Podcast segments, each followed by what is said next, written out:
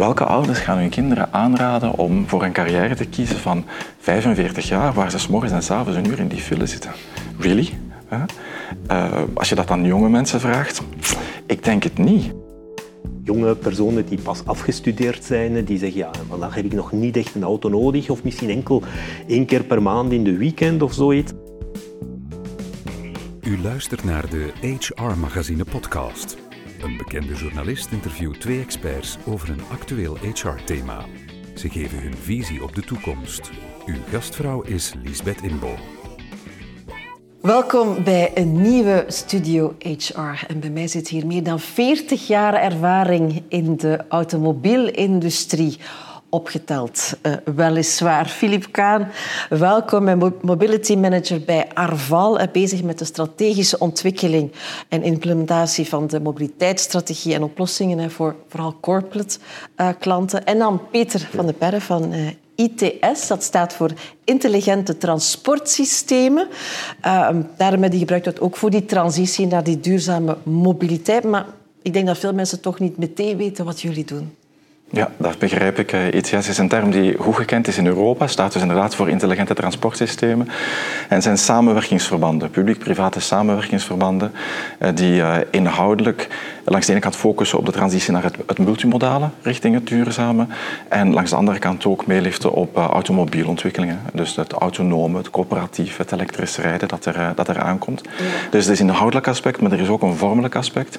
Want de bedoeling van ITS-organisaties is om open en inclusief te zijn en langs de ene kant, langs de publieke kant, alle verschillende beleidsniveaus, dus het stedelijke, maar ook het gewestelijke, het federale, mee te nemen. En langs de private kant eigenlijk alle, alle sectoren, alle vervoerswijzen.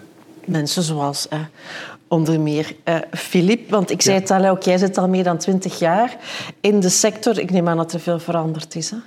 Absoluut. Dus het is... Uh, ik denk als we terugkijken, uh, een aantal jaren geleden, dus uh, de bedrijfswagen, we praten hier over bedrijfswagen uiteraard, was, ja, dat is standaard, deel van de standaardverloning. En we zien toch nu toch een, een grote verandering toe naar mobiliteitsoplossingen. Niet alleen de wagen, maar ja. wagen plus toegang tot ja. openbaar vervoer, fietsen enzovoort. Ja, want Arval is ook geen klassiek leasebedrijf meer, hè, zoals dat vroeger was, maar probeert ook op al die dingen uh, in te spelen. Um, maar kan je dat alleen? Kan je inderdaad zeggen, wij als uh, Arval en samen met de bedrijven, wij gaan die mobiliteitstransitie nu eens regelen. Nee, uiteraard kunnen we dat niet alleen doen. Dat zou misschien leuk zijn als we dat alleen kunnen doen, maar er is er ook, ja, uh, er is ook een wettelijk kader dat aangepast wordt. Er zijn veranderingen. Er is een mobiliteitsbudget dat er nu sinds, sinds drie jaar aanwezig is. Ervoor was een cash for car, dat geen grote succes was. Nee. Maar er moet ook op andere niveaus meegespeeld worden. Ik bedoel dan infrastructuur, uh, infrastructurele oplossingen. Openbaar vervoer moet meer uitgebouwd worden. Er moet een mobiliteit zijn, enzovoort. enzovoort. Ja. En, de, en dan komen we een beetje eigenlijk bij jou terecht, hè, voilà. Peter. Die flankerende maatregelen zijn inderdaad vooral ook fiscale maatregelen? Of wat, waar kan je als overheid het meest sturen om inderdaad mensen te nudgen, zoals ze dat dan noemen tegenwoordig, om toch op andere manieren ook naar mobiliteit te kijken. Philip zei het al een stukje, hè. er zijn inderdaad verschillende beleidsdomeinen en uh, uiteraard zijn ook zijn verschillende niveaus van overheden daarop uh, actief. En wat helder is, is dat uh, nog een stad, en nog een gewest, nog het federale niveau eigenlijk al die hefbomen samen kan, kan bespelen. En dat, dat orkest moet op een of andere manier toch samen aan de, aan de bak. Is er daar niemand mee? Is er nog kerstleider dan? Dat is een goede vraag. Dat is een goede vraag. Eigenlijk is het een stukje een, een collectief en een, en een, en een, en zelforganiserend uh, netwerk. Hè, met zowel dezelfde doelstelling om te verduurzamen. Nog eens zeker die automobielcomponent met elektromobiliteit. Het gaat over een en-en-verhaal. Maar vooral dat, dat feest van het multimodale is natuurlijk complex. Hè. En uh, terug te komen op uw vraag. Je zou kunnen zeggen, langs de ene kant moet je aan de aanbodkant, hè, je zou kunnen zeggen de infrastructuurkant, gaan bijfietsen. Uh, niet alleen met de fietsostrades bijvoorbeeld, toch iets om, om vrolijk van te, van te worden. Ja, word jij daar vrolijk van, Peter? Ja, absoluut. Ik weet niet, ik weet niet of je onlangs uh, nog eens op zo'n fietsostrade hebt. het, het, is, het, is, het is ongelooflijk. Het is ongelooflijk. Het is, uh, het, gaat, het is toch een van die elementen in, in de fietsrevolutie die mensen uh, gaan doen kijken. Het gaat daar nog heel druk worden, ja. denk ik. Ook gevaarlijk en files. Ja. absoluut. Je moet maar naar Nederland kijken om te zien dat dezelfde conflicten die je op de weg tussen auto's kan krijgen, dat er ook tussen, tussen fietsen aankomen. Maar je zegt natuurlijk inderdaad, iedereen is een beetje op zijn, op zijn eigen niveau bezig. Is dat ook niet... Ehm, waardoor het maakt dat het allemaal zo traag gaat. Want ik heb ook het gevoel dat elke stad ook alles opnieuw probeert uit te vinden. Antwerpen doet het, Gent doet het. Zou daar niet beter een soort ja, stroomleiding dan toch in komen? Dat op zijn minst de publieke kant hetzelfde biedt aan ons allen? Ja, dat, dat klopt. In een ideale wereld is dat, is dat zeker het geval. Nu is het misschien gelukkig zo dat um, langs de ene kant sommige steden vooruitlopen en dat er dan best practices, bijvoorbeeld veel organisaties zoals de onze, dat die dan daar worden, worden geconsolideerd en worden gepromoot. Maar het is inderdaad superbelangrijk dat eigenlijk deur tot deur en over heel Vlaanderen, en ik zou zeggen België en Europa, dat mensen toch richting gelijkaardige uh, belevingen, ervaringen kunnen, uh, kunnen... Want ja, jullie proberen uh, bedrijven en dus de werknemers van die bedrijven ja. warm te maken om, en, of, en ook te helpen in hoe kom je het vlotst naar je werk. Ik denk dat dat eigenlijk de, de, het ding is dat iedereen wil het minst aantal minuten verspillen, het ochtends aan Absoluut. een file, aan wachten op een tram, aan wat dan ook. Maar natuurlijk, hoe, hoe doe je dat als je van zoveel dingen afhangt die ook buiten jou liggen, buiten Arval liggen, maar ook buiten de bedrijven liggen? Eh, ik kom daarop terug. De ene is zeker de fiscaliteit die daarop inspeelt. Dus dat is een heel belangrijke externe factor. Ik bekijk bijvoorbeeld vanaf 2026, in januari 2026 verplichting dat alle nieuwe, nieuwe bedrijfswagen elektrische wagens gaan zijn. Dus dat is zeker iets dat meespeelt. Dat is een belangrijke reden. Een tweede reden is, ja, we zien er, eh, zeker in bepaalde branches, er is een schaarste op de, op de arbeidsmarkt. Dus om goede talenten te kunnen aantrekken of goede talenten te kunnen, dat die blijven, ja, dan moet u iets anders aanbieden, bijvoorbeeld dan enkel auto's. Is dat zo? Is dat waar jong, jonge mensen denk je dan vooral naar kijken? Sommige. En dat hangt, u ziet daar ook uh, wel een groot verschil uiteraard qua regio's. En zeker, maar de, de grote stedelijke agglomeraties is dat wel een heel belangrijk punt. Het derde belangrijke punt om echt die verandering te doen, dat is echt, dat komt eigenlijk, zou ik zeggen, van top van het bedrijf. Wat wij zien is, uh, als echt, uh, wat wij zien waar het meestal een groot succes is, is echt als die, ik zou zeggen, die shift, die mental shift, die mindset shift, van die gedragen wordt bijvoorbeeld door een, door een charismatische CEO die, die, die dat echt van, ja, die, die, die dat zelf voorleeft, die dat wil als deel, ja, die, die, die, dat, deel van zijn ambitie.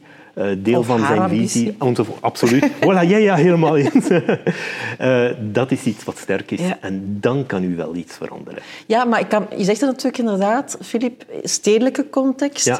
En jonge mensen die in een stad wonen, ja. denken wellicht van ja, die wagen, ik krijg hem amper geparkeerd. Absoluut. Ik zou hem ook hè, moeten kunnen ja. opladen op termijn. Ik woon in een flatgebouw, het is niet ja. voorradig. Maar natuurlijk, een bedrijf heeft werknemers ook vanuit de rand, van, van wat verder af. Dat wordt toch allemaal dan heel hard op maat, complex? Dat wordt op maat, dat wordt complex, dat klopt. Uh, uh, maar er zijn ook de nodige, ik zou zeggen, ook nodige maatregelen, nodige hulpmiddelen die ter beschikking staan. Uh, ik denk uh, wat we zien, uh, we, we, zien dat bij onszelf, we zien dat ook algemeen op de markt. Er zijn mobiliteitsapplicaties, mobiliteitsapps die ter beschikking gesteld worden van bedrijven, die ontwikkeld worden, die dat ook gaan helpen om eigenlijk al die, die mobiliteit, en zeker die, die management van mobiliteit, mobiliteitsbudgetten, mobiliteitspolicies te, te ja. makkelijker te maken. Maar natuurlijk Openbaar vervoer is essentieel, zeker als het regent, denk ik, in België. Dan laat je denk ik ook zelfs die fietsostrade misschien ja. al eens voor wat ze is, Peter. Kan ik me voorstellen, um, ja. Maar ook daar zit je met al die spelers. Hè. De, de, de lijn zit Vlaams, je hebt dan de NMBS is federaal, al dat soort dingen meer. Mensen moeten soms vanuit Waals gebied naar Vlaams gebied komen, zitten natuurlijk in drie, vier netwerken. Ja, dat klopt. Er zijn dus heel veel eh, bouwstenen. Het is een grote puzzel die moet gelegd worden. En in dat multimodale is die samenwerking tussen de vier, want in België zijn er vier uh, openbaar vervoersoperatoren natuurlijk cruciaal. Een goed voorbeeld van waar we uh, naartoe gaan, is de, de Brupas XL in het Brusselse, waar je eigenlijk met één uh, ticket over de netwerken kan, kan schakelen. Het is natuurlijk essentieel dat in elk van die deeldomeinen dat men integreert en dat men die ervaring zo naadloos mogelijk uh, maakt. Heb je het gevoel dat het openbaar vervoer en dan hun ministers, hun vele ministers, daar voldoende mee bezig zijn.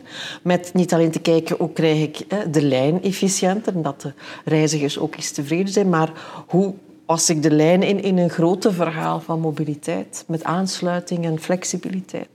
Eh, iedereen is daar enerzijds heel bewust mee, mee, bezig.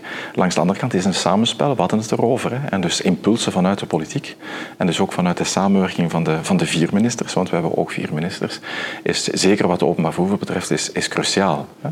Uh, dus daar uh, zijn bijkomende impulsen om zo snel mogelijk, zowel voor informatie als voor het betalen, hè, toch wel richting Uber-like ervaringen te gaan. Hè. We zien een, een, op onze app waar dat Uber rijdt, we weten dus precies wanneer je toekomt. En dan, ja, wat, wat, betaling betreft, stappen wij in.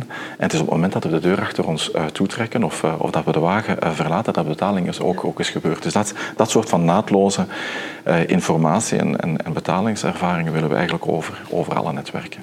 Is het dan, dan zo een Uber-achtig ding waar jullie ook aan denken of al mee bezig zijn? Absoluut. Uh, dat is, ik denk dat is die, die idee, ja, ik vind dat een, goede uitdrukking, een Uber. Wacht, dat is... Uh,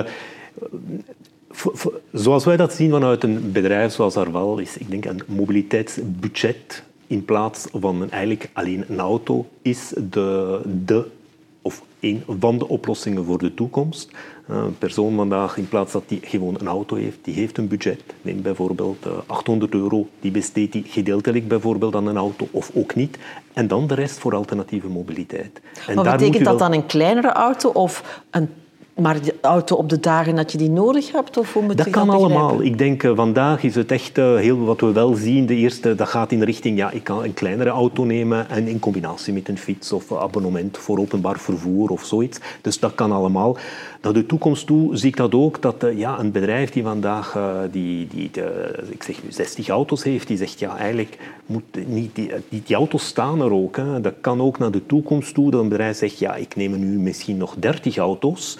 En uh, u kan die gebruiken. Sommige gebruiken, die hebben die nodig voor hun uh, werk. En sommige hebben die nodig bijvoorbeeld voor woon-werkverkeer. Sommige hebben die nodig voor uh, verplaatsingen, professionele verplaatsingen. Sommige in de weekends enzovoort. Dus het idee zou zijn dat ik en jij bijvoorbeeld een auto zouden delen op het werk? Bijvoorbeeld, als we eenzelfde werkgever hebben. Klaar dat voor? Uh, de, ik denk vandaag uh, staan we aan het begin daarvan. Dus uh, ik denk de technologie daarvoor bestaat. De, er zijn nog, ja, het is qua, qua, wetgeving zijn er misschien toch nog een aantal vragen. Wie en wat met voordeel aller aard enzovoort. Maar dat is voor mij toch ook één richting die ik zie naar, naar de toekomst toe. om eigenlijk ook de, het aantal wagens te kunnen veranderen ja. die op straat, die, die, die, eigenlijk elke dag op de baan staan. Is het vooral ook vooral, want je zei het is een manier van bedrijven om jonge mensen, de, de nieuwe krachten te winnen. Inderdaad, dus arbeidsschaarste. Um, dus we zijn blij dat we de goede mensen kunnen vinden. Maar mensen van, van onze generatie, zijn die daar ook al in mee? Wat we zien, er is, ik denk er zijn vandaag drie doelgroepen waar we zien dat er wel interesse is voor, voor verandering. Uh, dat is ja, eigenlijk, uh, ja, ik zou zeggen, het pre-family verhaal. Dus eigenlijk uh, ja, jonge personen die pas afgestudeerd zijn, die zeggen, ja, vandaag heb ik nog niet echt een auto nodig, of misschien enkel één keer per maand in de weekend of zoiets. Dat is één groep waar we moeten zeggen, ja, die is misschien niet meer 100% op de auto gefocust. Een tweede groep, dat is een beetje post-family, waar je zegt, ja, oh, oké, we hebben nu ook geen twee auto's meer Ze nodig in onze huishouden. Ze zijn de deur uit, absoluut. Voilà, dus of we kunnen doen met één grote en een, misschien een kleinere, of zelfs alleen enkel met één wagen. Dus ik denk dat is de tweede groep. En de derde, dat zijn toch wel ook, uh, dat zijn, uh, ja, je ziet dat de families, uh, waar eigenlijk, ja, ze hebben twee grote auto's. en ze zeggen, ja, eigenlijk hebben twee grote auto's niet nodig. Eén grote familieauto is voldoende. En dan, ja, gebruik die budget ja. op een intelligentere manier, misschien met een kleinere wagen ja. of misschien met de bakfiets in combinatie ja, met de bakfiets. Ja. Dat brengt mij naadloos aan bij mijn volgende vraag voor Peter. Is het inderdaad, of zal het in het, in het beginnen wat Filip zegt, we zitten aan het begin ervan. Vooral in een stedelijk verhaal zijn? Uh, ja en nee. Hè. Het, is, het, is, het, is, helder dat in, in, steden zoals Brussel bijvoorbeeld en Antwerpen dat het, het aanbod uh, van verschillende vervoerswijzen en nieuwe vervoerswijzen, hè, gedeelde fietsen, gedeelde wagens, scooters, dat dat eigenlijk nog wel heel indrukwekkend is.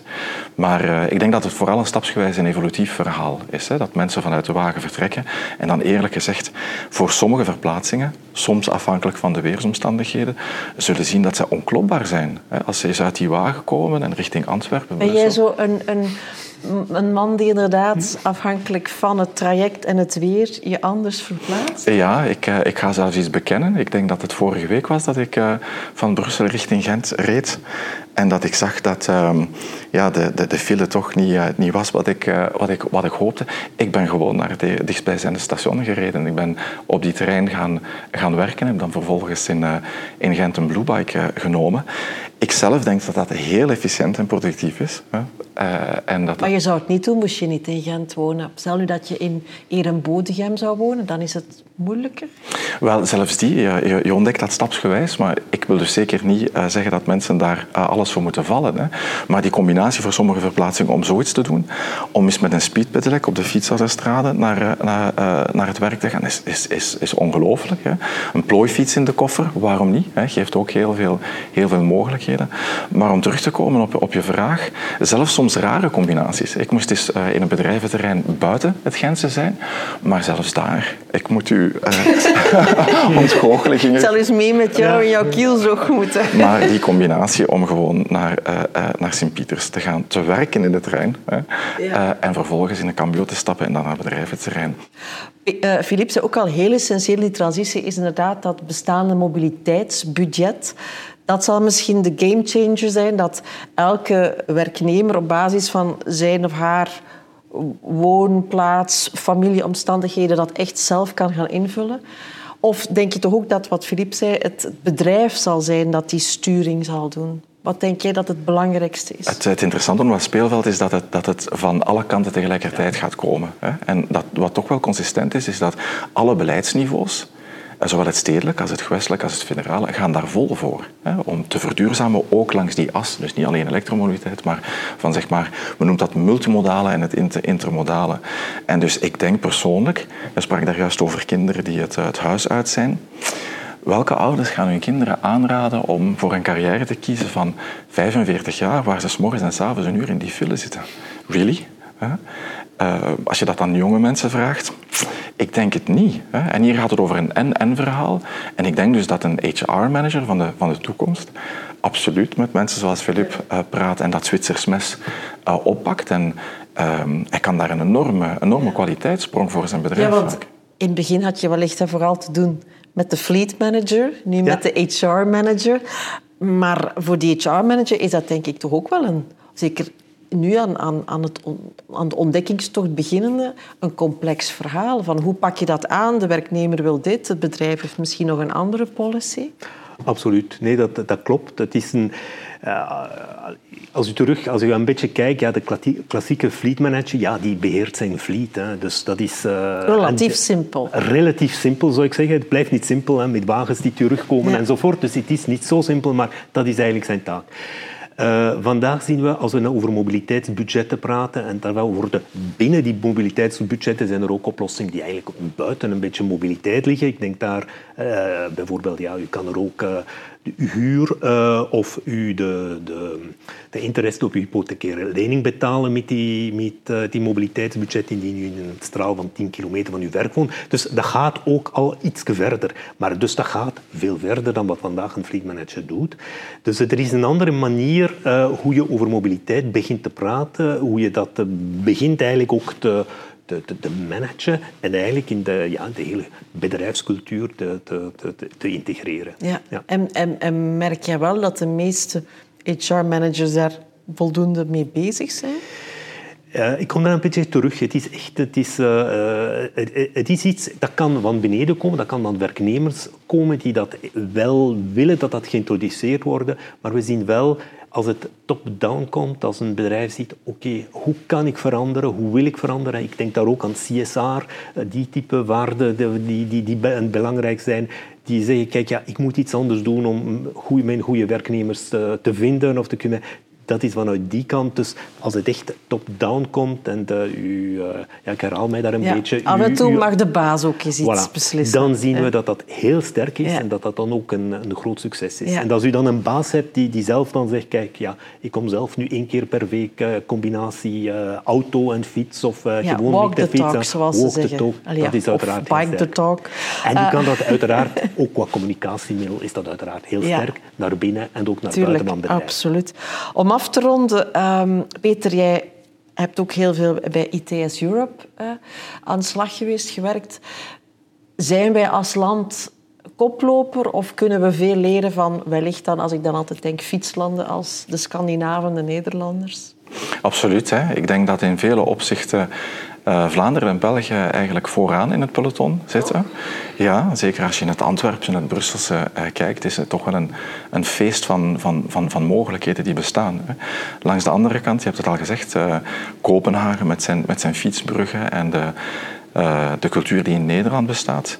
De term die daar bestaat rond treinfietsen. Meer dan 50% van de mensen die de trein gebruiken, die komen ofwel met de fiets toe of vertrekken er. Um, en dus dat gaat vlot, je moet dat niet aanvragen, je hebt plaats op de trein.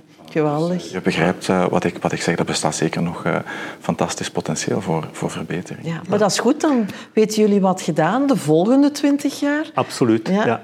Maar wat we wel zien, waar we ook, ik denk ik, België toch ook een beetje koploper is, is eigenlijk uh, de, de, combinatie met de auto-fiets. Want we gaan die kleinere... auto niet zo snel lossen, nee, denk ik. ik. denk dat dat ook niet per se noodzakelijk is. De bedoeling is die auto op een slimmere manier te gebruiken, misschien minder te gebruiken en in combinatie. Ja. En ik zal eens naar die fiets op straat kijken. Misschien kom ik jou dan wel tegen, Peter, met jouw helm op. Want zo hoort dat natuurlijk. Absoluut, ja, die, kans, die kans bestaat. Als, Maak jullie de allebei. het. Hartelijk dank en zeer benieuwd hè, uh, hoe u naar het werk geraakt en hoe u dat misschien morgen zal gaan doen. Alleszins graag. Tot de volgende.